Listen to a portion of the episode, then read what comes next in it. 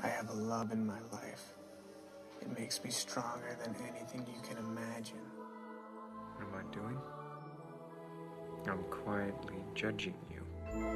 There are stories of coincidence and chance and strange things told.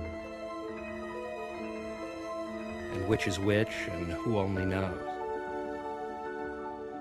It is in the humble opinion of this narrator that strange things happen all the time. And so it goes, and so it goes, and the book says, we may be through with the past. But the past ain't through with us.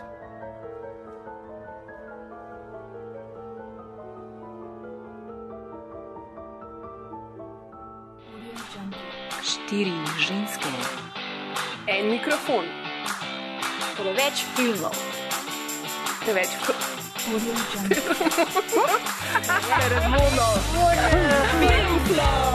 filmu govorimo, dokler ne teče kri.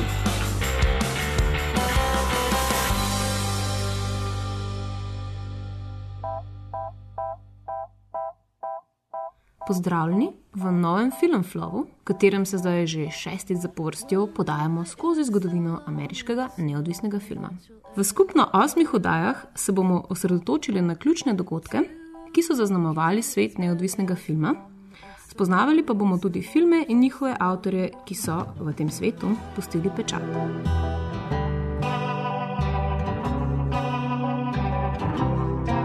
Z vami smo tudi tokrat Ana, Živijo. Maja V, hej, Maja P Jaj. in Bojana. V šestem delu se selimo v drugo polovico 90-ih in z eno nogo tipamo po novem tisočletju, ki poleg milenijskega hrošča prinaša tudi obljube o novem, drugačnem, neodvisnem filmu v ZDA. Tako drugačnem, da mnogi verjamejo, da se ga ne drži več te isti duh, ki je navduševal gledalce in kritike v 70-ih in 80-ih. Prav zato, pa tudi iz drugih razlogov, ki jih bomo omenili v nadaljevanju, so mu nadeli ime Indiewood. Hmm. Danes se bomo najprej posvetili avtorju, ki je soustvaril pokrajino tako imenovanega Indiewooda um, in je od samega začetka že delal filme v okviru velikih studijev, tudi po svojih pravilih. Paul Thomas Anderson je njegovo ime, nam pa je usodno vplival filmski veteran, o katerem bomo prav tako govorili, ko si bomo odbliže pogledali film Magnolia. Is the loneliest number that you'll ever know.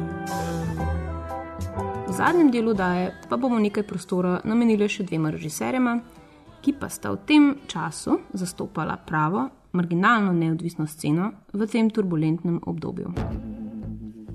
Now, what I'm going to do is I'm going to read a line to you from an opera. I want you to give me that line back in the language in which the opera was originally written. And for a bonus 250, uh, you can sing it. I'm Stanley Spector. There is the story of a boy genius Willa Catherine. Thomas Kidd. Jean Baptiste Clamolier. and the game show I'm host. Jimmy Gator. Live from Burbank, California. First question for 25. This French playwright and actor joined the Béjart troupe of actors. And the ex-boy genius. I'm Quiz Kid Donnie Smith. I used to be smart, now I'm just stupid. There is the story of the dying man. I'm Earl Partridge. I have a son, you know. You do? Uh, find him. I'm Frank TJ Mackey. His lost son, What did he say? Because I am not going to take care of him. What does he want? and the dying man's wife. I'm Linda Partridge. I took care of him through this, Alan. What now then? Me and him. Do you understand? There's no one else. No one else. The caretaker. I'm Phil Parma.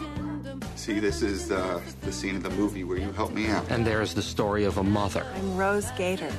You come home soon after the show. I love you. Love you too. And the daughter. I'm Claudia Wilson Gator. Now that I've met you, would you object to never seeing me again? And the police officer in love. I'm Officer Jim Curring. My life is very stressful, and I'd hope to have a relationship that is very calm and undemanding and loving. So if you are this person, please leave me a message at box number 82. And this will all make sense in the end.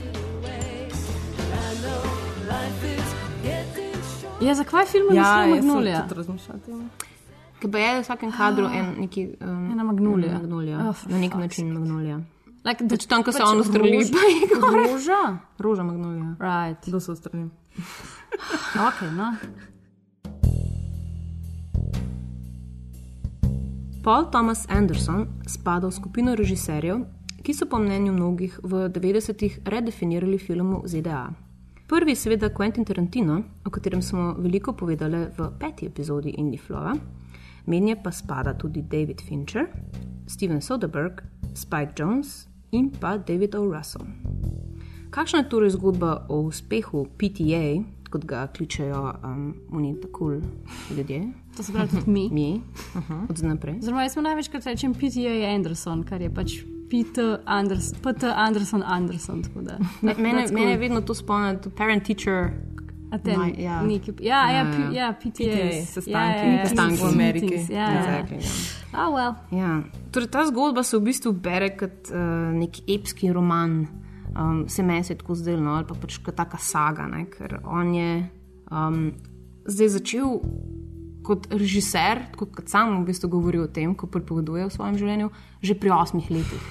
On je bil že takrat formiran režiser, ne tako, um, ja, jaz sem vzel kamero, pa sem se malo igral. Ne, on je tako, um, bil je, mislim, da pred zadnjim. Ne, Ne, tretji, ta nam, tretji ja. od zadnjih, najmlajši. Ali je bil najmlajši od devetih otrok? Ne, ni bil. Um, Ni bil najmlajši. Ni bil najmlajši, to pomeni, da je bil šesti po vrsti. Ni bil unto strklan. Mislim, da je imel še dve mlajši sestri. A, okej. Ja. Je o tem govoril, da je, je bil pol full fine, ki jih je vedno lahko prepravil, da sta delali razno razne neumnosti, da jih je pa lahko posnel. Ja, pa njegov fotor je bil igral. Jump off the cliff. I'm gonna sh Ja. Well, ja. Ja, zakaj pa so mlajši sestri in bratje, če ne za skakanje iz klifa? Ja, njegov fotor je bil že um, pač igralec, mm. pa tudi delal na radiju. In on ga je v bistvu nekako že iz zgodnega otroštva nekako pripravljal, da bo zdaj ali pisatelj ali pa režiser. In mislim, da je rad kar oboje pa na koncu. Ja. he kind of was this horror talk show host. He would like come on and introduce sort of bad horror films, Mhm. you know, Beast from Fifty Thousand Fathoms, Right. this kind of stuff. And he would he was one of the first guys to like chroma key himself inside the movie, you know, and like comment on how bad the dialogue was and how bad the movie was and all this kind of stuff. And he would constantly blow stuff up with firecrackers, you know, and just kind of like take like little skeleton skulls and like throw firecrackers at them. And so the combination of those two sort of father figures with firecrackers, Mhm. There it is in the movie, you know. Mislim, da sem nekje pre prebrala, da je bil eden izmed prvih filmov, ki jih je videl v roki in pol je hotel biti ali bokser. Oziroma, hotel je biti bokser, pa mu je pa mama rekla, da mogoče raje tega ne bi, pa naj bo raje pisatelj, ker je Ro- Rocky v bistvu tudi napi napisal mm. ta film. In pol je šel dvakrat zjutraj laufati in je pa gotovo, da mogoče bi bil pa res raje pisatelj. Lažje, ker lahko sedi. Ne more biti vsak Silvestr Stallone. Aha, jaz sem pa v bistvu brala, da je imel v bistvu zelo dober odnos s svojim očetom, ki ga Ne, je predvsem v tem spodbujal, z mamo pa Ne nekako toliko, ja. nista prišla do dobro Ja, skupaj, to ampak ne vem pa poznala. Zakaj. To je. Pa je, da Jaz je sem moj prepričala biti bokser. Ja, očitno. Right, right. She didn't run instead of him. dreams. Ja, ampak pa je, da je to tak, nek tak simptomatičen uh, vzorec za vse te režiserje, um, ki smo jih Mommy prej omenili. Ja, tudi Tarantino, Wow. recimo, se ni z res? razumel. Mogoče lahko kdaj drugič uh, psihoanaliziramo. to, Ampak tukaj nas v bistvu zanima, kako je potem mladi PTA postal um, Odrasli pitije. odrasli PTA. Ja. Ja, ne s tem, da je hodil v šolo. To mi to mi je maybe še najboljši podatek iz cele njegove biografije. Da, kot sem si jaz prebrala, dva semestra angleščine, kar rabiš za to učiti, da napišeš scenarije, pa dva dni filmske šole, kar je več kot dovolj. Ampak zakaj? Z, ja, no, zakaj je bolj pomembna zgodba? Zato, ker se mu je zdelo, da pač vse, kar ga tam učijo, je samo domača naloga, pa brez veze, pa da se bo on raj praktično naučil z gledanjem filmov v filme. Saj tako sem jaz to dojela. What, what happened was I walked into this class and th- this teacher said, you know, if anyone is here to write Terminator 2, just walk out, just get out of the door. And I thought, well, that's just not a good way to start. What if I do want to write Terminator 2? What if someone sitting next to me wants to write? You know, he was sort of instantly saying, you know, we write serious films here, you know. Terminator 2 is a pretty awesome movie. Ta relativnost ne stvari ga je zjebala. Ja. Pa tudi šel je pa delati na televizijo, ja, tako je. kjer je v bistvu delal na teh otroških eh, game šovih, ne, ki jih mm. potem vidimo tudi v Magnoliji. Tako da jaz mislim, da je že takrat začel ful teh izkušenj dobivati, pa tudi sam je rekel, da je boljš, da gleda filme in se bo tako več naučil. Ja, v bistvu on je tudi eden izmed teh režiserjev, ki so zelo veliki cinefili, ki res poznajo dobro filmsko zgodovino, ki vejo pač vse o filmu, kar se ve, da da. To sem tudi nekaj prebrala, da je bil pač prvi um, v svoji ulici, ki je imel video rekorder Wow. in je full gledal kasete. In mislim, tako je res proper tako Ja, pa v bistvu še, ne. preden je šel, še preden je končal gimnazijo, je že posnel svoj Mhm. mm -hmm. prvi film, ki je bil dolg tako ene 30 minut in je bil v bistvu nekako predzgodba uh, Ja, Boogie Dirk- Nights. Dirk Diggler. Ja, in naslov je The Dirk Diggler Story, yeah. ki pa v bistvu gre o porno zvezdi. Exactly. Uh, v bistvu je naredil dokumentarij, jaz sem ga celo videla na YouTubu, mm. Mm. drugače lahko za ston gledaš in je tako res, res slabo narejen, uh, pač z neko, VHS, mislim, video kamero. Uh, ampak tako, da smešano, pa tako, da podobne kadre ima, pol, ki jih na koncu uporabi v Boogie Nights. On je rekel, da je zato v bistvu Boogie Nights naredil in ta prvi kratki film, ker je nekoč preteti bil in je gledal skozi okno in bil tam pač eno stanovanje. Pač zasenčeno in se je nekaj dogajalo noter, in je bila neka svetlava, in, to, in potem naj bi izvedel čez neki let, da to v bistvu so snemali porno film tam. Mhm. In potem je to postala njegova obsesija, da pač najde zdaj ta film, v katerem pač so, kako so ga tam snemali, ne? Mhm. ki je nekaj par podatkov dobil. Tako da je v bistvu pregledal zelo ekstenzivno um, knjižnico gradiva, kjer je potem, uh, ne vem, po nesreči pač, um, toliko zna, toliko pač to, uh, tega znanja dobil. ne. Ne, sem rekel, je, da so mu ful všeč bili porno filmi, ne? še posebej tisti, ki imajo neko zgodbo v zadnji. Ja, se včasih so porniči, me bi še bili ok, ker zdaj niso več. Porno acting and sex scenes in the 70s were much more sort of. Um, let the camera figure it out. Do you know what I mean? So the camera's a bit more sort of handheld and a little bit sort of more renegade in trying to get into the spot to get the good juicy close-ups that you want to get. Somehow it comes out feeling more sexy and natural. Yeah, of course. But nowadays, you rent a porno movie, and it's just they're in they're in sort of contortions and positions that are clearly guided towards the camera. Mm. But you can't. Don't make a fucking bit of sense, or Mm. and don't come off as sexual in any way. You know. Mm.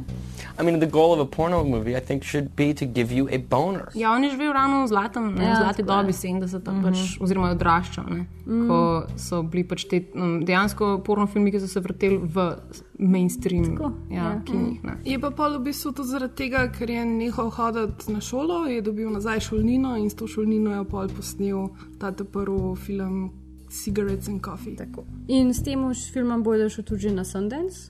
Pač vsi so tako rekli, mm, ja, super, ampak potem je tle vam napisan, da ga je Michael Caton Jones, ga je tako, ah, this seems interesting, ampak ti mal še manjka, ti mi jaz mal povedal, pa pol v Wikipediji piše, da je dobil par uh, takih um, hard lessons. Ja, ta njegov mentor, ne, Ja. je, ki so mu ga dodelili na um, Sundance Labu, um, je rekel, da je takoj opazil, ne, da pač.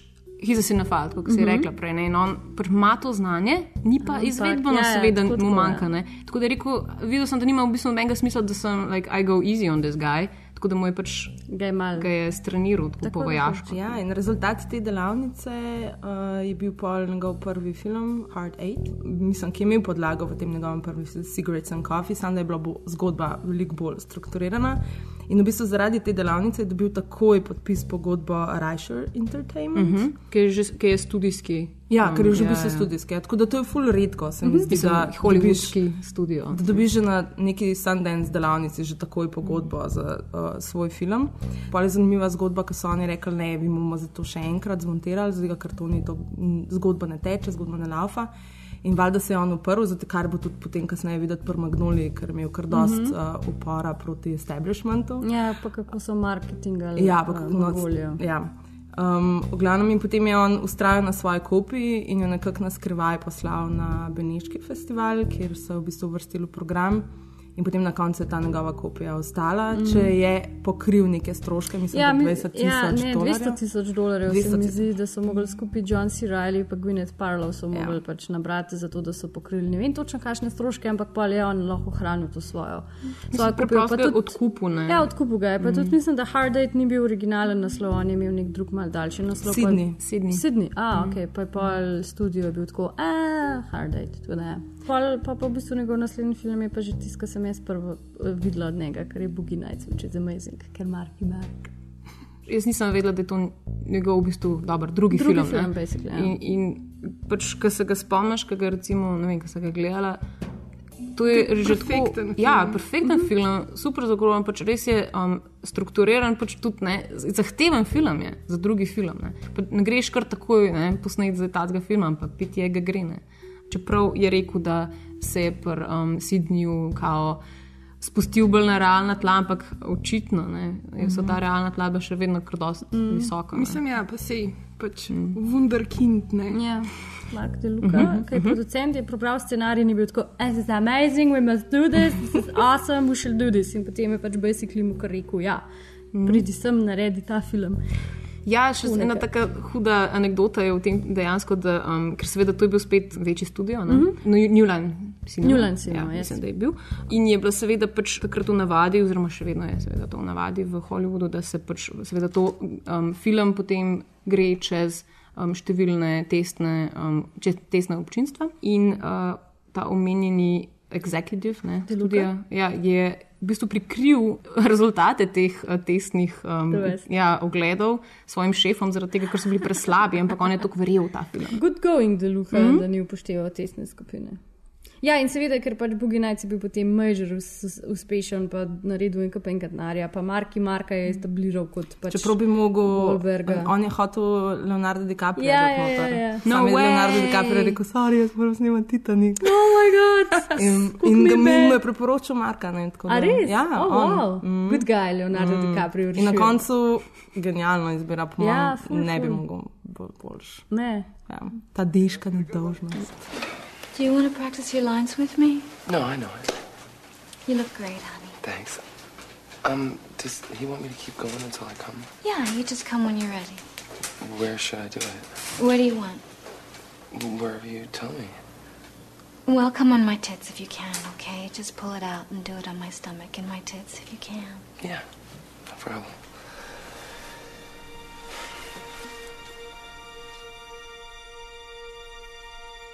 Magnolija je bil potem šele tretji celovečerni film PTA, um, ampak je bila v njem že zbrana neverjetna zasedba igralcev, ki se v bistvu že tudi v Boogie Nights um, Mm, nekako iz, izrazito kaže. Hard Eight tudi. Ja, je že tudi pač, v bistvu, je že imel da igralce. Ne. V bistvu ta zasedba igralcev bila tista, ki je potem z združenimi močmi seveda film spremenila v pravi fenomen leta 1999. Ne. Film je potem bil na vseh uh, možnih lestvicah najboljših filmov, čeprav so nekateri kritiki uh, nekako nezadovoljno ga uvrstili. Uh, Ne, ampak štekam sentiment teh enih kritikov, ki so ga zidali na lestvice, samo zato, ker ga niso štekali, pa so se pa čutili, ok, ne, vsi ta film, mislim, hype okrog tega filma je full velik, zih nekaj ne štekam, ga mesto dal na lestvico, ker pač, kdo ta film res pošteka, mora biti kar poseben. Ja, ker v bistvu po eni strani je dobil veliko nagrad, pa Mm. mm. veliko nominacij, po drugi strani so bili pa tisti res zelo priznani kritiki. Ful, mislim, ne, da so bili glih proti temu filmu, ampak pač jasno so dali vedeti, da to ni nič posebnega. ne. Mm. Tako kot ta Andrew Saris, Mhm. um, pač najbolj znan pač, filmski kritik avtorske teorije, je tudi rekel, da, da te pripelje do nečesa, ampak potem pripeljete do roba. Ampak potem te ne ja. potop, mislim, potumka. Ja, ne jaz mislim, da je potumka to skoraj to. Ja. point tega filma, like it kind of, ne, in, ampak pol ne. Mm. ne. Mislim, glih do tizga prideš, zato ker se jaz ful spomnim med filmom, ko sem gledala film, te tako muska tako na hype, da že čist, pa se pa nič ne zgodi in then you're kind of, ok, pa pa to še ne dvakrat, trikrat s tabo naredi in then you're just tired. Čeprav mi je bilo pa zanimivo, kako Bergmanu ne bi bil pa ful všeč, mm -hmm. čeprav za moje premišljanje mogoče je bil sarkastičen, ker je rekel, da je to pač en, eno izmed velikih del ameriške kinematografije. Oh, shade, kao, throwing shade. Videli, mogoče imate pa res kaj skupnega. V bistvu, dajmo povedati, kaj se je zgodilo v Magnoliji. No, dajmo lahko probati povedati, kaj se lahko, zgodi. Lahko mogoče govorimo Maja, Maja. Maja se mi zdi, da je pripravljena.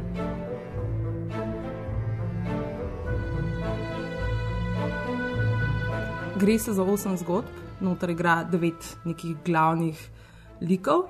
Uh, dva od teh likov umirata, kar je v Mhm. bistvu neka glavna tema, pač ta umrljivost. Enega imamo policaja, ki se v bistvu zaljubi v neko punco, You're a police officer, and you seem so straight and put together without any problems. I lost my gun today. What?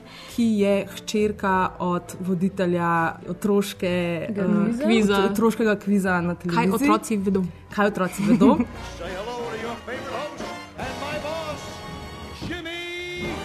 Ta voditelj ima v bistvu zvej, da ima uh, raka in da bo kmalo umrl. Uh, v tej oddaji uh, vidimo, spremljamo uh, malega pač, tekmovalca, ki uh, je v bistvu najbolj pametnejši od vseh treh otrok in ima ful uh, tazga tečnega očeta, ki ga konstantno preganja. What's the problem? What's the problem here? Nothing happened. Why didn't you answer those questions? I didn't know the answer. Bullshit! Bullshit! You know the answer to every goddamn question, and I knew the answer to those questions. Uh, je v bistvu tak mali genij, v bistvu, kako se temu reče. Um, Ja, Wunderkind. Wunderkind je, a ne? Tako je v bistvu.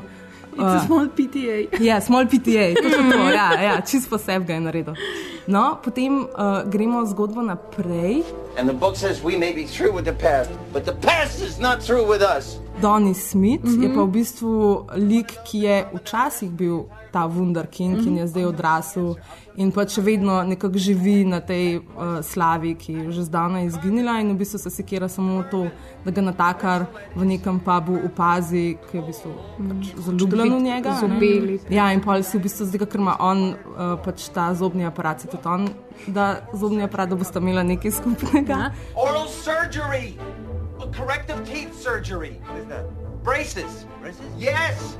Produkcijska hiša, ki je pa naredila ta kviz, je pa v bistvu uh, šef tega. Je Partridge, ki je pa v bistvu ta naš drugi umirajoči lik, uh -huh. ki ga spremljamo medtem, ko umira in za njega skrbi ena male nurse.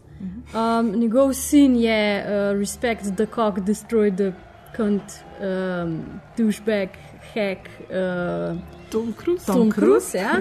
Respect. Žena od tega umirajočega Partridža je ena taka zmešana bajba. Trophy wife. Trophy wife Julianne Moore. I, I did love him, but but now you know I, I know I'm in that will. I mean we were all there together. We made that fucking thing and all the money I get, and, and I don't I don't want it because I love him so much now. I fall in love pa with him now. uh, njegova um, medicinska oziroma nurse. Um, Filip Seymour Hoffman. Tako, tako. Fora je temu, da že na začetku smo priča eni krajši taki zgodbi, kako se v bistvu. Ja. Kako je cel svet povezan med sabo, kako se stvari povezujejo, in da na ključi ni, ne? oziroma ali so ali niso, ti da prvo vprašanje. In potem pa spremljamo to zgodbo, kako so vse te zgodbe in kako so vsi ti posamezniki povezani, Mm. in na koncu nek tak apokaliptični dogodek jih združi um, v eno tako. To je spoiler, če rečemo, da žabe padajo. Ne, mislim, to bomo itak, tem bomo Ej, mogli a kdo ve, kako so to naredili? Mislim, Ja. CGI je. Ja, Pač pa- zihar so, ker tam skačejo. Ja, tudi, Ja, okej, ampak CGI. dobesedno so naredili te žabe in so Mm, jih pač, um, pač ta, ta posnetek, kako, so, kako njemu samo ena žaba na avto pade, so prav posneli, pač, Ja. pač vrgli samo.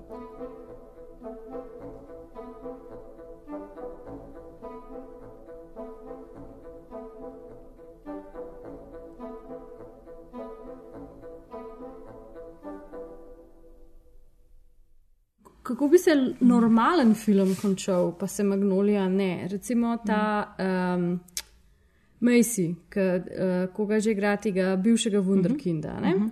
Cel point njegovega tega arka je, da on hoče ta zoben aparat. On zdaj hoče ta zoben aparat, zato ker ima tam enega barmana, ki ima tudi zoben aparat in misel, misel da se v pol vanga zaljubi, če bo on tudi dobo. Ne?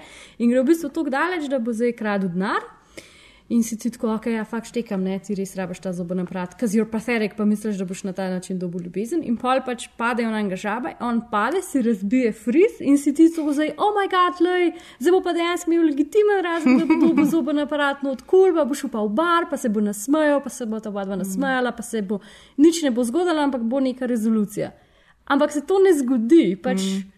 John C. Riley ga pač pol nazaj pospremi, da da denar nazaj in potem pač they go off into the distance in ti si pol zdaj tam. Kva se je zdaj točno zgodilo? Zakaj smo mi zdaj imeli te velike žabe, ki so padale, pa v bistvu naredile ful tak res v dogajanju, ampak nič niso rešili. In se mi zdi, da če bi šli analizirati vsako zgodbo, bi prišli do nekaj podobnega. Pač, a, to se je zdaj zgodilo, ampak ni se čist malo je bilo off, kot je ja, ponavadi ker, ker življenje res ni tako. Ne? Življenje te ne pripelje do, pač, mislim, do, do teh nekih velikih koncev in potem je, oziroma velikih rešitev ali podgovorov in potem je kar konc in je happy end. ne. Pač, Mm. Oziroma, um, jaz imam vedno občutek, pač, da to, kar je PTA delo, ali pa recimo Magnoli, ne, ali pa kar je začel, je potem na neki točki um, um, Injeritu. Um, je, je v glavnem on potem vzel in je pa začel delati uh -huh. te um, zaključke, in kar je potem rezultiralo, pač za moje pojme, v pat patetiki. Uh -huh. Zaradi Ja, tega, ker ja, pač ja. um, tam pa res ravno ustvarjaš pač to neko vzdušje in potem ga pač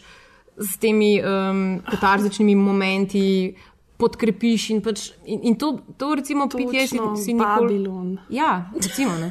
More Speros, ok, v redu, prvi film ne, in tako, in pač ok, v redu, razumem, Mhm. ampak potem pogrem pa sam še pač v patetiko ne, do neke točke. Da, Mhm, do- um, do mislim, da to je, zelo, to je v bistvu zelo efektiven način, kako um, takšen film spelješ, da, da, da ne daješ um, dejansko Mhm. sploh nobenega, Mhm. nobenega razlušno na nek Ja, način. zdaj, ko si glih inje- injeritijo in, injeritija omenjala, sem se spomnila na Birdmana, ne, kjer je zelo ve, velik teh um, pač tracking posnetkov, ko kamera skozi sledi, ne, pa skozi se premika.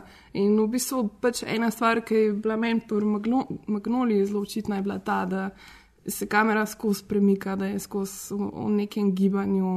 Um, da skozi slediš nekomu. Um, Tudi statični kadri so pravzaprav um, dinamični. Ja, v bistvu grejo na te zelo počasne zone. Mm. In, I first came to Max Ophuls. I'm a little bit fuzzy exactly how it happened, but I think I'd been watching films that Sam Fuller had done, and I was reading that Sam Fuller was so great at these elaborate tracking shots, but but really it was nothing compared to the master of the the shot. You can pull off a camera move like this if you have an actor that's in the frame that is capable of doing or is worth watching for that long a period of time. Max Ophuls was really the first person to do with the camera what he did.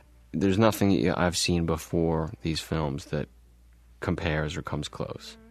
But it's obvious to me now, you know, the stories sunk into my DNA of of how to tell a story or or what makes an interesting story. It just got in there so so strongly. On reflection, I see these movies now and I think I think, my God, this is probably the first time I was seeing anything like this.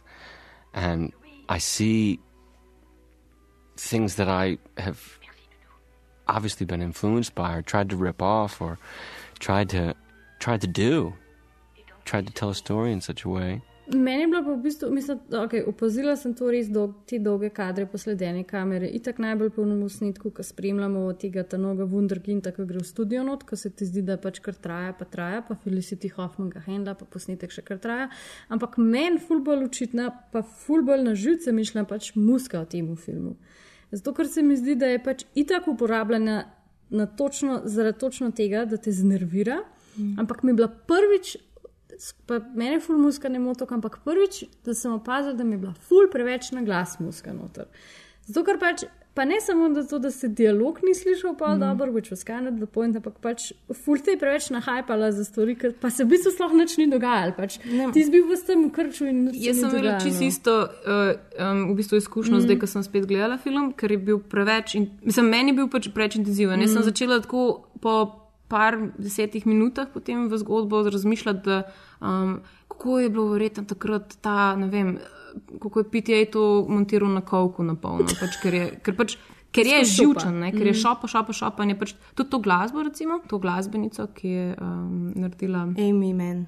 Ja, ja, v bistvu njene skladbe, v bistvu z enega albuma, uh Mhm. -huh. vse um, uporablja. On je v bistvu že, ko je pisal scenarij, je začel pisati, takrat, ko je montiral um, Boogie Nights, Mhm. zato ker se je full zavlekla ta montaža in potem je on začel pač pisati uh, zdaj ta scenarij in ko se je zaprl na neki točki neko kočo ne, in potem tudi ni šel ven iz te koče. Ker je bila kača zunaj. Ker je bila kača zunaj in Kako in biblično spet. Si res uh, zaradi tega strahu ni upal ven in je res pol napisal do konca.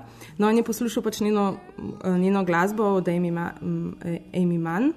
In ona da se tudi drugače prijatelja. No? Tako da v Mhm. bistvu je tudi poslušal neko glasbo, ki se mi zdi, da sploh še ni bila izdana in si je pač v glavi že, ki je poslušal to glasbo, že videl, kako bo ta glasba pasala v scenarij. Ja, pa je iz enega, v bistvu zato se je spomnil sploh zgodbe z Magnolije, ker je en komat poslušal. Mhm, ki ga tudi en karakter ena na ena citirano. Ja, v bistvu je tako, if, aha, now that I met you, would you mind never seeing you again? Tako je. Pač nekaj v tem smislu. Pač Ja. To je bilo. To je pač ta, ko del njene- policaju reče v Ja, bistvu. del njene pesmi, ki je pol, pol on direktno dal svoj scenarij. They could never love anyone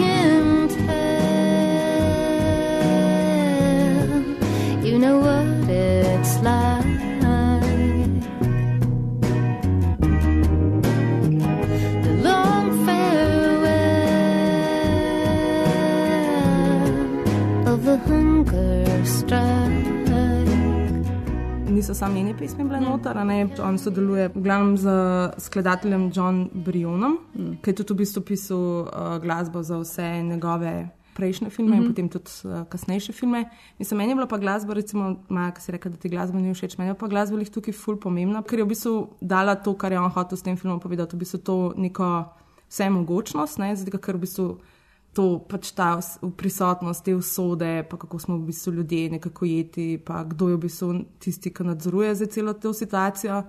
In to je na eni strani to, ker je tako ful mogočna glasba, potem se pa razvije v to partikularnost, mm. ne, ker naenkrat potem prideš do teh posameznikov, ki igrajo te mini vlogice v tem božjem velikem načrtu ali kdorkoli ima že ta One načrt. is the loneliest number. Yes. To je tudi ena. Pa ona je dobila, mislim, da takrat tudi uh, nominacijo, pa Mhm. tudi uh, za Oscarja s pesmijo Save Me. Tako kot si ti rekla, Ana, pač, uh, je on naredil, po, z, vedno ko je, ko je snimal med snemanjem tega filma, je naredil za njo celo videospot. Ja, Ki je pa ta videospot potem dobil tudi nagrado MTV Awards za najboljši A ni bil- editiran Ja, ali ni bil. PTA poročen s Fiona Apple, uh Mhm. -huh. skupaj s Fiona Apple, ker je tudi za njo full video spot. Ja. Ja, pa z Radioheadi tudi Ja. ja. veliko sodeluje, ker um, je tudi eden izmed Radioheadov dela musko za njegov film. Ja, um, Johnny Greenwood Ah. je pa v bistvu piše muziko za Radiohead, on je pa naredil za There Will Be Blood, ki se mi pa zdi še najboljša Ja. glasba. Jaz tudi mislim, da Magnolia ne bi bil tako uspešen film v smislu tega, kaj hoče pri tebi zbuditi, če ne bi bilo te glasbe. noter. Ja, Zato, Ker sigurno. se mi zdi, da je, je dialogi pa igra sama po sebi, pa način, kako je posnet, so tako dosti, ne prazni, ampak tako dosti normalni in potem da on to neko musko čez, ki te res nahajpa in pol se ti vas nahajpa. Ja, Sam jaz se zdi, da se s, tako, mislim, s takim filmom, oziroma na, na tak način, ne, eh, narejenim filmom, si lahko šel skozi pač takrat v, v, v tem Mhm. času. Ne. Mislim, ta, ta 99, se mi zdi, je še, je še, je še, še ta 90, Mhm. ki lahko sfuraš v bistvu tako. Um, Tak film, ne da bi pač bil mm, naiven ali pa patetičen na nek način, ne? skupaj s to glasbo, ki je ja, tako zelo ja, očitna. Ja, ne. ja, ja, glasba je full očitna. Ja, mislim, zaradi tega, ker jaz, ko sem gledala ta film, pač zdaj za ta podcast, se mi je zdel na polno patetičen, cel film, skozi. Mislim, tako pač, eh, ful nismo več navajeni gledati tega, kar je takrat najbrž res bilo še, ne vem, dokaj normalno, ampak jaz tega filma ne morem več imeti. Bolj resno. nedolžni časi so Tako, bili, ne, pred, ni- pred Ja. 2000, ne. Ja. To, je to. Ja. Pač novo tisočletje. uh, Zdaj smo disillusioned, smo se disillusioned spet, ja. ne. ja, meni se zdi, da je ta film ful tak. Um, Ful ve sam zase, preveč mal, pa pač pol ve, pa ve da sam film sam sebe pre, ne Malo je- jemlje malo je preveč zelo resno. navdušen pa nad- tako. Fil, fil, film je v bistvu navdušen nad samim Ja, ja, ampak se, sam, ampak se pri tem ne jemlje resno. kao. Pač, meni je to ful, ful mi je to, ker je taka TV slika. Až, ki glih, jaz imam to včasih pri pr, pr določenih filmih občutek, da je tako full TV slika, da ni filmska slika, ampak je TV slika, ne vem, luč je drugačna. To sem glih danes, ko sem gledala nekaj o Starship Troopers, ker Starship Troopers so posneti tako, kot da so posneti za TV in ne za film in potem ga naredi po eni strani full patetično, za nič, po drugi strani pa pač um, full meta. In mi je ta. V nekem je- flatness govoriš. pravzaprav, Ja, ne. neka luč je drugačna, ne znam razložiti. Meni se pa glih ful res? filmski, glih zaradi pač svetlobe pa luči, ki je tako ful posebna. Ja, To- meni I don't know, ja. Mm. Mislim, ja, sigurno je on eden izmed režiserjev, ki veliko da na vsako malenkost v svojem filmu, tudi na uh, luči in na pač, uh, direktor fotografije. in Tako, itak. ja, tako da mislim, da je tukaj pa mogoče to, da so bile dosti naravne barve uporabljene, ne, ker se tudi mogoče malo asocira na magnolijo, pač na to. Na to življenjsko raven, na to, zato ker je veliko rjavih barv, rumene barve so in tako se mi zdi, da je bolj, bolj tako mm, prizemljena no, scena. Zaradi tega se ti mogoče zdi malo televizijska, mm. pa mogoče tudi zato, ker, ker je on dejansko tisti del, ko je oddaja. Mm -hmm. ne, del, um, je, on je celo oddajo v celoti posnel. Ne. Mhm. On je v bistvu, zato ker je tudi, kot, ker ima izkušnja že s tem in v bistvu je to posnel, kot da je. Stran, da je resna Ja. oddaja, pač Nice. posneta strani televizije. Ja. Ja, se, ker, si um, uh, en zelo dober dokumentarc, oziroma ne vem, no, če je pač dober, ampak zelo informativen. Ja, pač, informativen, Ja, ni ja. dobro narejen. Ja. uh, dokumentarc o tem, kako je v bistvu on snimal, oziroma Mhm. proces snemanja Magnolije. um, je že na začetku uh, v bistvu svojo ekipo zbral in jim seveda pokazal filme referenčne. Ne? In en od teh filmov je Network. I don't have to tell you things are bad.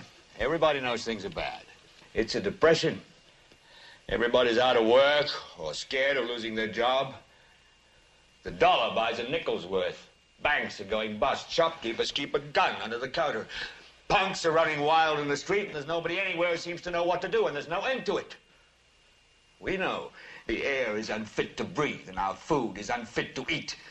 We sit watching our TVs while some local newscaster tells us that today we had 15 homicides and 63 violent crimes, as if that's the way it's supposed to be. We know things are bad, worse than bad. So, I want you to get up now. I want all of you to get up out of your chairs. I want you to get up right now and go to the window, open it, and stick your head out and yell, I'm as mad as hell, and I'm not to take this anymore! V Networku um, vidimo pač ta slavni speech tega um, pač, uh, nekega glavnega protagonista, ki mislim, da takrat zgubi službo. Mislim, da je v tem. Ki je voditelj. On je, on je voditelj večernega Mhm. programa Novice, govori in vsak večer govori svalda slabe novice, ne, ker to so ta prave novice in da prestrašijo ljudi. Ne. In uh, njemu se potem v nekem trenutku pač zmeša in potem ima ta speech, uh, kjer govori ljudem, naj ne poslušajo novic, naj, da je vse depresivno, mm. da naj grejo ven, naj začnejo živeti svoje Be življenje. mad as hell. Ja, be mad as hell. Tako res dost, uh, se navezuje na današnji čas. po Ja, mojem. pa ker je v bistvu vsebinsko tudi malo, pač, mislim, je Podobno. vsekakor je podobno pač, uh, recimo Magnoli. Ne? Ker jaz, jaz nekako mislim, da vse ima pa zelo um, globoke pač, podtone oziroma Mhm. tematske tone Magnolija. Ne, ne na vse zadnje, mislim, da če pogledaš, uh, če greš na research na internet Magnolijo, boš ugotovil, da da je tako nešteto um, esejev bilo napisanih, tako filozofskih in pač vsi. Uh, zelo veliko študentov je bilo, ki so pač potem začeli, da ja, pač, um, sem uh, mortality, ne, oziroma ja, umrljivost. Thanatos. Ja, ja. In- glih ki je prazen film, da se ga da ful dobro interpretirati na ful različnih vidikov. Ne? Ker pač je, je to poln in hkrati tako prazen, da imaš lahko dobre nastavke. Mislim, mogoče treba omeniti na tej točki, da je on um, to eno izmed, za sam za sebe pravi, izmed uh, njegovih najboljših filmov. Mm. Ker on je dobil pa uh, Boogie Nights, je dobil čez proste roke, da lahko zdaj dela karkoli hoče. In, in pa na koncu tudi ni dovolil, da so naredili trailer in, plakat, v glavnem vse sam naredil na koncu. Ja, ja, ja. Um, tako da je tukaj dal veliko sebe noter ne, in veliko Mhm. stvari je tudi. Um, mislim, to, tukaj noter so tudi teme, ki, ki se vidijo tudi v naslednjih njegovih filmih. Predvsem recimo ta odnos med otrokom in staršem, ne, kjer se v bistvu ponavlja vse posodne. Tudi v Boogie Nights vidimo to, ta odnos med sinom in med materjo. Potem v Magnoliji imamo oče, hčerka, oče, sin, Mhm. odnos, kjer očeta oba dva umirata, kar je tudi njegova osebna izkušnja, ker ne mu je tri leta prej, oziroma dve leti prej, da je začel ta film delati, mu je umrl oče za Mhm. rakom in v bistvu je imel to že izkušnjo. Ja, in se mi zdi, da je pač v tem filmu noter vse, kar, kar je on razmišljal skozi celo svoje življenje. No. Se mi zdi, da je full, full sebe noter. Mislim, to, to mi je bilo ful všeč, ko smo se prej pogovarjali, uh, ko si ti rekla, da je v bistvu v tem filmu so vse te velike teme uh, noter. Um, z, z, Ja, me- meni je dejansko malo, mislim, to, to se mi zdi, da je pač ta film je religiozen, ampak na ta način, mm. kot so bila pač, kako je bil ta obdobje religiozen. Pač, ma, malo je ta spirituality, ampak hkrati pa zelo zaznamovan z nekim še tem um, protestantsko-katoliškim uh, etosom. Ne. Ja, mislim, zato meni pač ta citat, ki sem si ga res zapomnila, tudi zaradi tega, ker je vedno v uvodnem jinglu enega podcasta, ki ga poslušam, um, ki ga trikrat ponovijo v tem filmu. We think we are through with the past, but the past isn't through with us. Mm. In to, to mi je, mislim, točno to, kar si zdaj govorila. V bistvu nekaj, kjer mislimo, da smo že napredovali, pa da smo neke bolj stare vzorce pustili za sabo, mm. ampak v bistvu pač vedno nosimo to, kar smo naredili, In pa, pa kar smo plačali za, za bo. sabo. Ja, in potem dežuje žabe na nas. Tudi to, uh, kar si ti prej govorila, Maja, da je imel pač pri Magnoli najbolj proste roke. Mislim, zdi se mi, da je PTA tako pač res eden teh pravih avtorjev mm. -hmm. pač danes. Kljub temu, da dela pač v študijskem sistemu, pa tako je eden izmed teh režiserjev, ki po moje si ne pusti, da mu kdorkoli pač, ne vem, Ja, on pač, na, ho, mislim, on bo to svojo um, umetniško pač. Um, Ja, z- zato, ker vem, da ke tudi je rekel za ta film Tekla bo krine, da pač on si je zamislil, da bo Daniel Day-Lewis igral to vlogo in če bi on rekel ne, on Mm. ne bi naredil tega filma. To my mind, uh, it's an abomination consider that any man, woman, or child in this magnificent country of ours should have to look upon a loaf of bread as a luxury. We're going to dig water wells here, and uh, water wells means irrigation. Irrigation means cultivation. We're going to raise crops here where before it just simply wasn't possible. You're going to have more grain than you know what to do with. Bread will be coming right out of your ears, ma'am. New roads, agriculture, employment, education. These are just a few of the things that we can offer you. And I assure you, ladies and gentlemen, that if we do find oil here, and I think there's a very good chance that we will, this community of yours will not only survive, it will flourish. Ne, mislim pa, meni je vsakeč tudi to fascinantno, da je to v bistvu ne moratel s tretjim filmom že, pač on je posnel en film in potem dobil malo keša za Boogie Nights in potem je, pač, je bil v bistvu studio nad njem tako impresioniran, da mu je kar rekel, ah, here go Carte and blanche. be fruitful, pa pač delaj, delaj ta film. Ne. Je pa to res, kar pač, kar se mi zdi tudi ful povezan s tem, da ima, da ima rad ensemble filme, pa to. Kaj je delal, ko je so delali marketing za Magnolijo, so valjda hoteli fulpušati uh, Tom Cruisa, ker pač, ah, ga, Tom Cruise ne. In je pač PTA rekel, fuck ne, pač ne, mm. pač on je en izmed kesta, ne boste mi delali tega marketinga in je pač polja naredil sam poster in sam trailer in vse in se je pač tudi zaboril. In tudi zato v bistvu se je bil full uspešen film, ampak mogoče ne toliko, kot če bi šel skozi hollywoodsko mašinerijo marketinga, pa bi rekel, Tom Cruise v novi vlogi, ne, ne, ne, Mm. in ne, ne, ne. Ker on je v bistvu Tom Cruise je. Poleg Julian Murten, kar največja zvezda, po mojem. Mhm. -hmm. Zelo ful na njega obvisel, zato ker takrat je bil še res, mislim, takrat je bil zvezda. Did you do the poster? Yeah. It's a great poster. The, the flower poster. Yeah. I did the poster, I did the trailer. I What do you mean you did the poster? It was you conceived it and someone drew it for you? Exactly. I had to fight for it too. Is Cruz in the poster? Yeah, he's there. Okay. He's he's there a little bit, and then like second week wide release, we'll like bring him out more, and put him in a different spot, so highlight him a little bit more. He's gonna make fun of Phil. You know, he developed the film too. Yeah. He sent it to a lab. He just didn't like the work they were doing, so he set up a lab in his bathroom and he d- developed the film. It has that Batman look to it. He ground the lenses that we used in this film.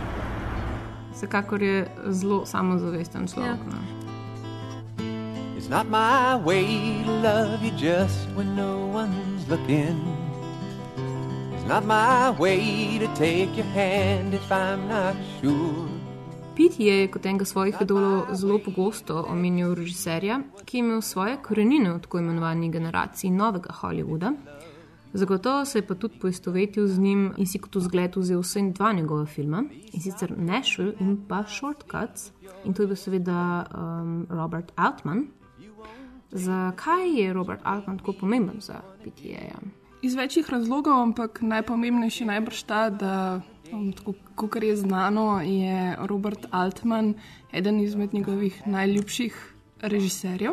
Se mi pa zdi, da eh, je v bistvu se z njim poistovetil predvsem zato, ker je bil Altman um, tako zelo tak režiser tega neodvisnega duha, um, imel je vedno ful samo svoj način dela, nikoli ni pustil tako Hollywoodu, da diktira.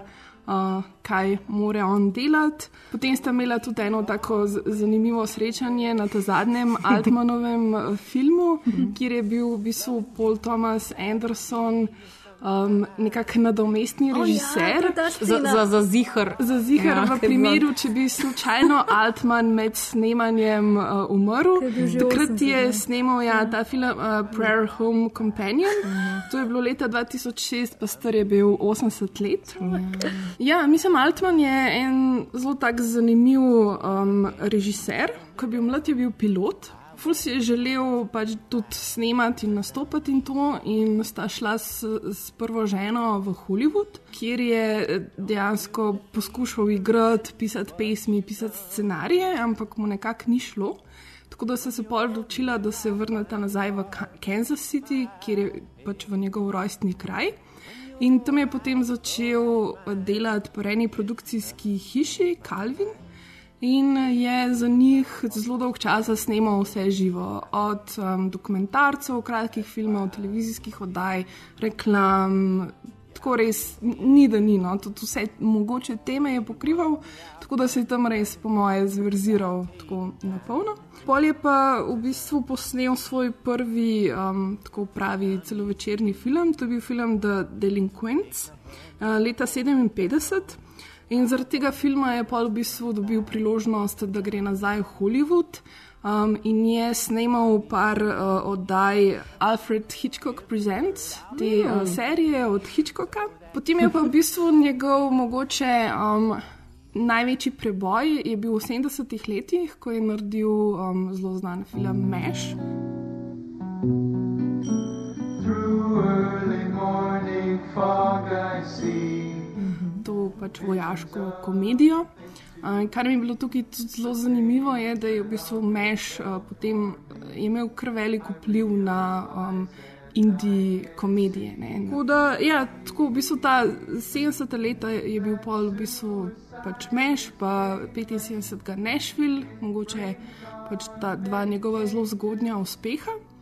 Um, pol je pa posnel še full filmov, ampak so bili vsi zelo komercialno neuspešni, tako da je full postal pač nepriljubljen v Hollywoodu, tako nekako so ga kot skoraj eh, i- izgnali, oziroma niso mu več hotel dajati uh, filmov, ker je veljal za tazga neko, nekomercialnega režiserja, ki pač ni nikoli prinesel dobička. Ampak on je pač, ved, mislim, skozi je ustrajal. ne, Tako enkrat, mislim, fulje en dober citat, ki je rekel, da. I keep going back and jumping off the cliff. Ne? Tako nikoli se ni predal, tako vedno je pač um, prišel nazaj z nekim filmom. Tako da v bistvu pol ta um, 80-ta je bil mal um, pač čist izven Hollywooda, pol je pa v deve, začetku 90-ih prišel nazaj s filmom The Player. Mm. Kjer je v bistvu nekako tudi obdelal Hollywood in način, na katerega funkcionira. Um, potem je pa um, leto potem naredil še Shortcuts, ki je tudi um, v bistvu bil zelo, zelo uspešen film. Um, pa, mislim, tako res je bil en tak nor comeback uh, njegov. Ja, mislim, da je takrat s tem filmom nekako so ga nove generacije teh pač neodvisnih odkrile, ne? Ja, ja, recimo tako, kot pač eh, ne vem. Um, Pač postavil spotlight, ne, spet, kao, kdo pa je ta Altman, ne, ta model, ki je za ta film naredil. O moj bog, pač že 50 let snema zdaj filme, ne, v bistvu, zakaj ne vemo nič o njemu. Did I do something wrong, officer? Take your sunglasses off, ma'am. One more question. How many clowns can you fit in this car, ma'am? When it comes to you and me, that's the way it's gonna be. If you share my point of view, I'm the woman made for you. When it comes to push or shove, if you're holding out for love, These are strange people, honey. to hell with love. Potem je bil pa v bistvu še en comeback, eh, pa v začetku uh, 2000, ki je pa naredil Gosford Park, The Company, pa A Prayer Home Companion. Mm. Tako da po teh mm. treh ga pa mogoče mi najbolj poznamo, naša generacija. What advice would you give to young filmmakers starting out today? I, my advice would be never take advice from anybody. Same advice I give my children. Uh, i- i- if, if you take advice, you're going to go the way that the person that's giving you the advice went. And they, uh, they didn't go very far, they wouldn't be giving you the advice. Magnolia je v bistvu s temi um, podobnimi filmi, ki so v tistem času um, tudi bili uspešni in seveda teh istih režiserjev, ki smo jih že prej omenili. Um, del tega, kar se je v bistvu oblikovalo pod nekim takim zasmahovalnim imenom Indiewood. Um, in kot smo že v prejšnjih oddajah podarili, se je od sredine 90-ih neodvisni film razvil nišno industrijo. seveda s temi manjšimi studiji, ki so izkoristili dinamiko in producirali resnejše filme, um, kakršne so včasih dejansko delali v Hollywoodu, um, zdaj pa znotraj hollywoodskih studijev, ki so bili um, increasingly v lasti globalnih in korporacij, ki niso imele veze v bistvu s filmom, ne, ampak je bila pač. Um, seveda, to so bili konglomerati, ja, ki so praktično samo zato, da so cash producirali. Ja. Um, zdaj ni bilo prostora za te neke srednje velike filme, kakršne so recimo še prej mm, delali, um, še v 80-ih, recimo Miloš Forman, pa Sidney uh, Pollack in taki režiserji. ne. Pa Coppola, ne. Pa Coppola, recimo. ne. Um, v bistvu ta situacija se še zdaj nekako zelo trmasto drži, ne. oziroma doživlja renesanso Mm. neke vrste. Ne. Um, Strategija uh, zdaj večjih, seveda, hollywoodskih studijev je bila kupiti te male neodvisne studije, ker so si tako ustvarjali v bistvu neko valilnico talentov, um, ki so jih takoj, seveda, lepo pobrali te, ki so dobili nagrade ne, in so jih preselili v svojo industrijo. Um, seveda so si pa na ta način tudi konkurenco pod, podredili. ne. Mhm. Namreč um, zadnjič smo govorili o Pulp Fictionu. Ki je bil deseti najbolj dobičkonosen film leta 1994, kar seveda pomeni, da je hodil v zelje hollywoodskim filmom in to zelo. ne. Um, tako da kako pač uh, premagaš konkurenco, tako da se ji pridružiš, ne? oziroma da jo kupaš. Ja, pa še. ja, basically. Um, kar je pa zanimivo, je pa to, da seveda v Hollywood se um, iz vrst neodvisnežev niso um, prihajali samo režiserji, ampak tudi producenti in šefi teh manjših studijev, ki so takrat zrasli ne, s to um, idejo, da se um, um, generira neodvisne filme. In ta nova generacija je imela to neko um, integriteto in se je poskušala boriti za to, da so lahko režiserji tudi znotraj studijev ostajajo zvesti svoji viziji. Um, tako kot prej smo že omenili, da so recimo skrivali rezultate, um, ki so jih pač testna občinstva dajala filmom. Uh, tudi recimo Matrica, pa je ne bi. Uh, ja, Matrica morda nikoli ne bi bila Matrica, če se to ne bi zgodilo. Ne. Tako da to so bili te neki novi heroji. ne. ja. Ja, pač treba jim je bilo v bistvu um, na skrivaj za- zagotoviti, da pač šef neke Sony korporacije, ki pač je hotel samo um, ja, koliko milijonov in milijard bo to prišlo. Well, imamo pa matrico zdaj zaradi tega. Ne? Torej, kaj pravzaprav je Indivud? Ne? Pomeni simbolični teritorij, na katerem se začnejo razblinjati meje med neodvisnimi filmi in hollywoodskimi filmi. In um, čeprav ta dva pojma um, oziroma koncepta, kot smo že doskrat povedali, označujeta predvsem neke specifične načine produkcije in distribucije. Pa začneta zdaj vedno bolj pomeniti tudi neko estetsko ločnico. Ne? Na eni strani ta svežina, možnost, pa želja po eksperimentiranju in drznosti in tabu teme in tako naprej. Po drugi so pa v bistvu klišeji, pa formule in zabava za vso družino. Tako da na neki točki od 90-ih proti novem tisočletju se pojavi v bistvu nova oblika filma, ki združuje, po mnenju enih najboljše, po drugi strani pa lahko tudi najslabše od teh dveh svetov. Um, o čemer bomo pa več povedali v naslednji oddaji, ko bomo podrobno gled vzeli nekatere preostale avtorje Indijvuda, um, ki seveda še zelo lepo ustraja potem tudi v zgodnjih 2000-ih. In, do In tudi zdaj. The prognosis, Fertile Myrtle? Minus or plus? There it is. Little pink plus sign is so unholy. That ain't no etch a sketch. This is one doodle that can't be undid, Holmes Gillett. Da pa ne bo izgledalo, kot da se v resničnem, quote, quote, um, neodvisnem filmu ni dogajalo nič zanimivega.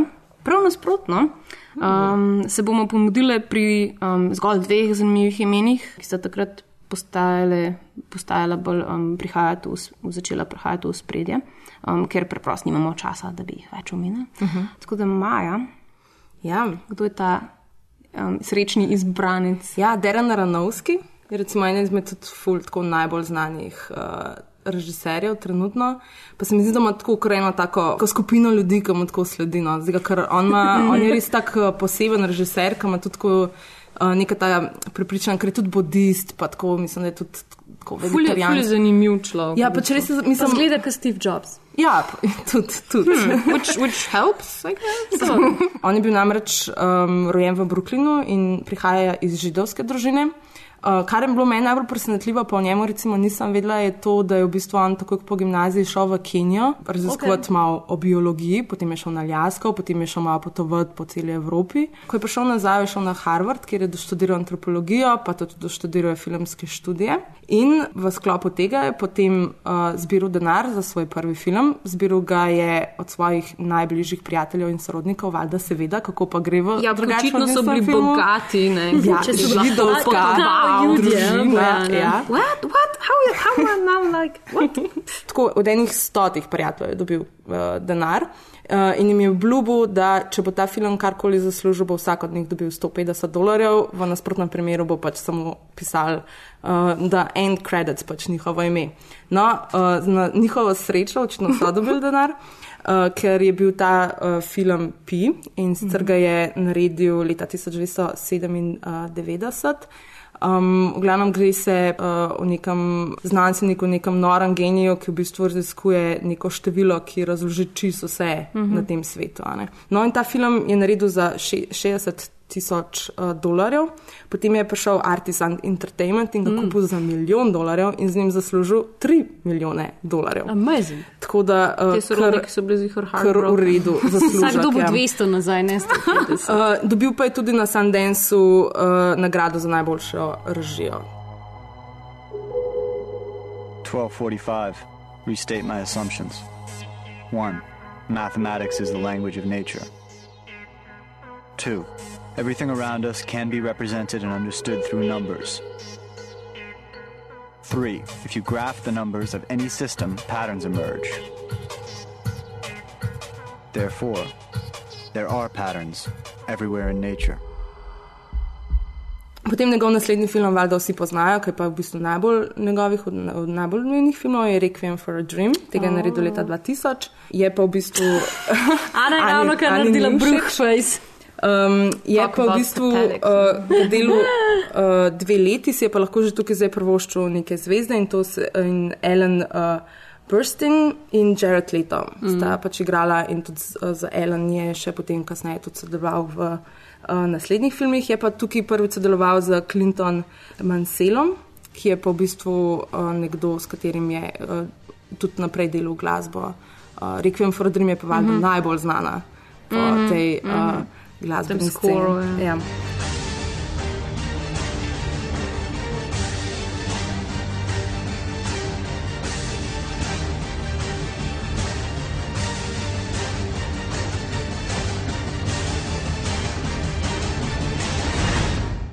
No, zdaj, kar se mi zdi pri njemu, pri Ranovskemu, najbolj pomembno je predvsem njegov stil snemanja. Ne? Ena izmed stvari je recimo ta, reče se hip-hop montaža. Mm. To pomeni ta full hitra montaža, kjer um, mi vidimo pač neko, neko dogajanje, ki se dogaja v nekem daljšem časovnem obdobju, zelo na hitro. Recimo pri Requiemu in na Dream je recimo to takrat, ko ona dva jemljeta droge, ne? ker so v bistvu mm. potem valjda zvočni efekti zraven veliko pripomorejo. Pač on postavi lajno, posnifa, zenica se odpre, ja. kao zdaj pa čilamo. Ne?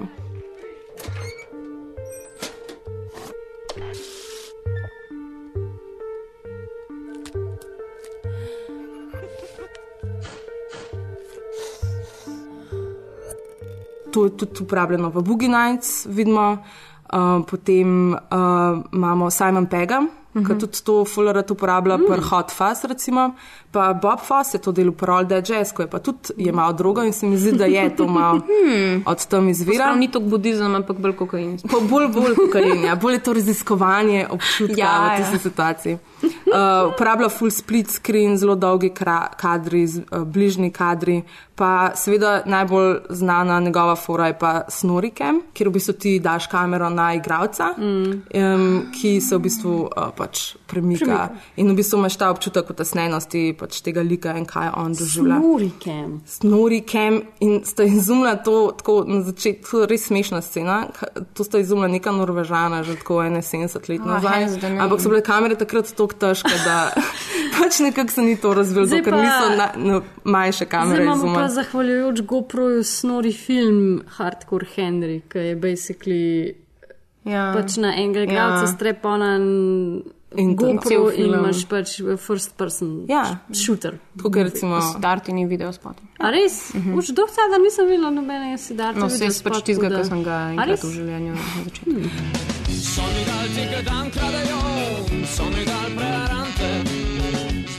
Ja, pa Black Swan pa zdaj pa trenutno je pa njegov producentski napor v Jackie, ne? V kinih. Ja, producent je. Producent je tukaj, ja. Uh, pa wrestler je meni. Wrestler, ja, ja dobro. to je nekaj, kar še jaz nisem gledala. Mislim, Black da Swan freaked me out. Jaz ful lažje recimo s handlom njegov slog recimo v wrestlerju, ki je nekako ta realizem. Ali še ampak... tam nisem, tega filma nisem gledala, ker mi ni bil uh, niti tako. Ja, ampak ker je recimo ta rawness, ki je v, recimo, v Requiem for a Dream, ampak je pa Requiem, za, mislim, se to je bil tak ta film, ki se ga takrat, um, ki si bil v srednji šoli, so bili Ja. tako, oh, fuck, to je ta film, kao, ta kul, in so potem vsi Mi smo v srednji to. šoli gledali Mm. Lotra, kva ste to hodili za eno Ja, jaz sem šolo, rekel, mi smo, mi smo bili ful, Mm, ja, mi pa nismo več Lord of the Rings gledali. Mm, who, who cares, mi smo bili vse all about uh, depression and rezanje žil in ja, tako. Ja, m- emo muzika. Ja, ja, ja. So mi dejali, da sam bom ostal. So mi dejali, osamljeni snov. So mi dejali, da sam bom ostal. So mi dejali, osamljeni snov. In to, da smo že govorili o Wunderkindih, bi um, pa lahko mogoče tako označili našega naslednjega oziroma drugega srečnega izbranca, um, ki je seveda Harmony Korine. Ja, basically je bil Harmony Korin, je prav tako kot Aronovski judovskega porekla, ampak eh, bolj iz vertikale Nashville, on je živel v Nashvilleu, pa se šel kasneje v New York preselil. Najbolj zanimiv fun fact iz njegovega otroštva je to, da je bil njegov fotor bojda tap dancer. Mm -hmm. Sprav step plesalec in da ga je že kot majhnega ful vlačil naokoli po cirkusih, pa karnevalih, po vseh teh stvareh, pa mu dajo Buster Keatona zagledati in tako naprej. In je pač Korin, ko je bil že majhen, razvil eno tako ljubezen do vodvila, pa do teh mal friki Silliness. predstav, pa silines pa na ta način. Ja. Uh, ok, on se preselil v New York in tam študira in pač, pač kot najstnik gleda vse, v bistvu te avtorje, o katerih smo se mi zdaj pogovarjali tekom Indiflowa, vse pač Kasavetesa in uh, Godarda in vse te pač res majstre.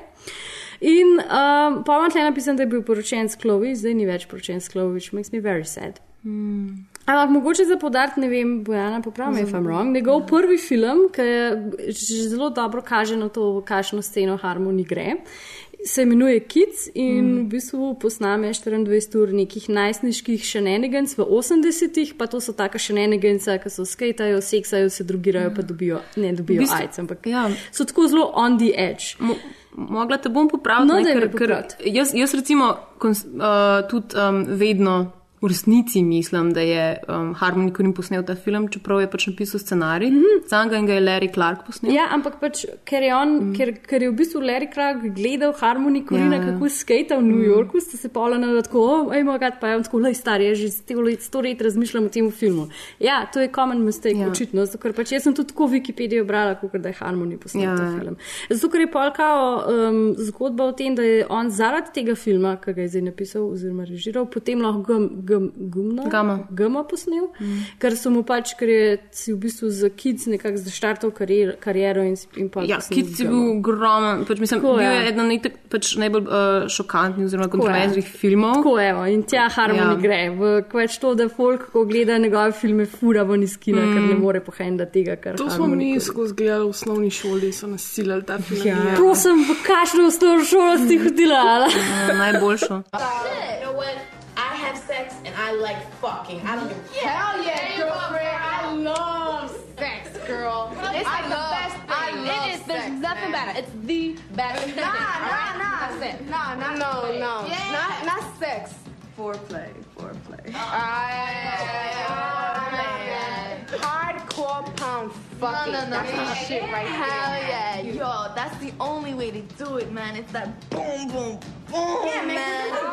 Yeah. I know, but there's a difference between making love, having sex, and then fucking. Right, Yeah. right. Making love is like, yo, you know what? You know what? It's like it's like sweet. And it's real slow, real slow. And sex, it's like, all right,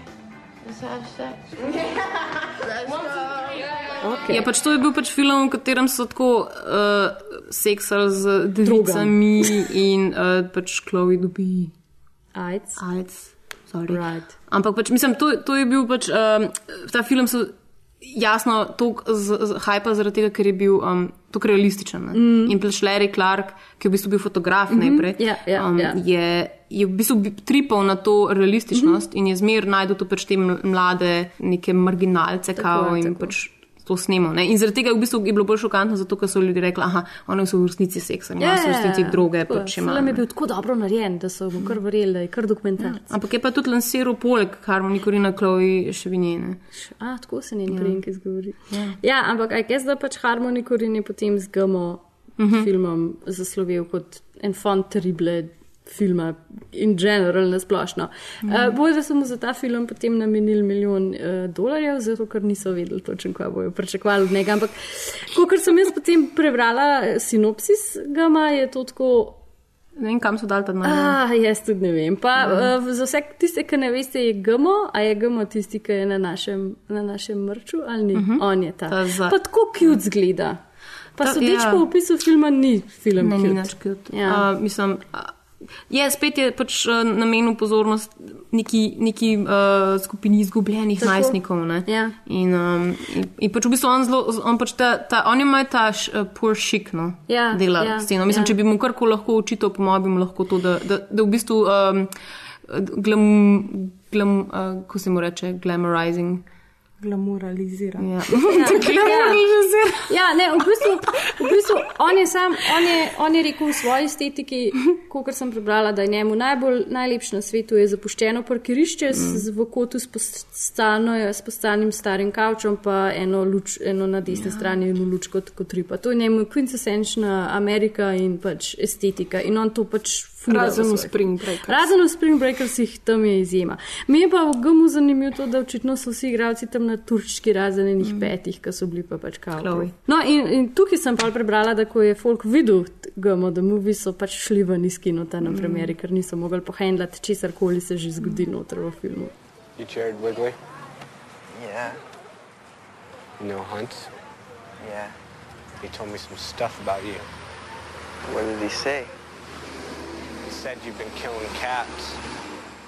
For like the past three weeks? When do you go out? Do it during the day usually? No, I do it mostly at night.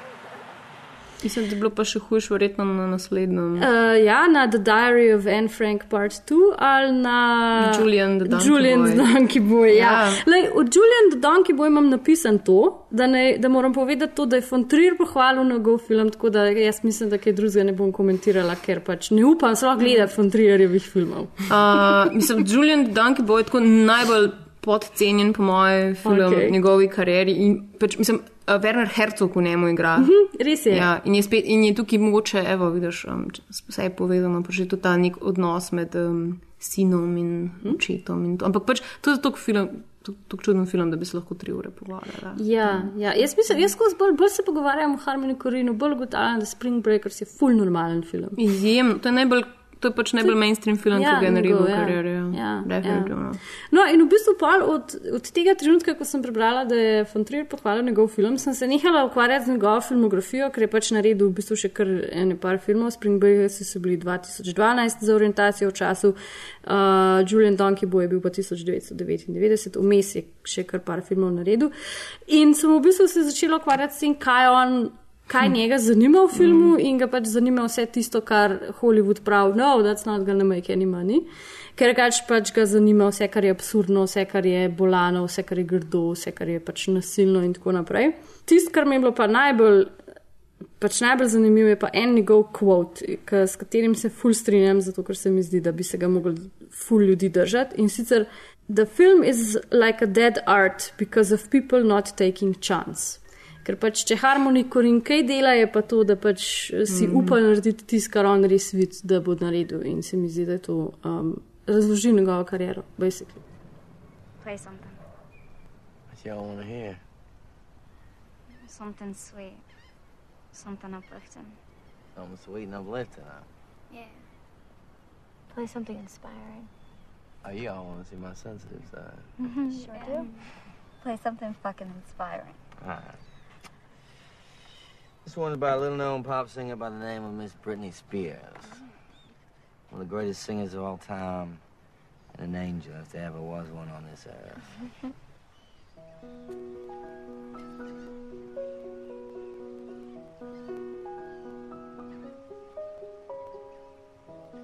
Notice me.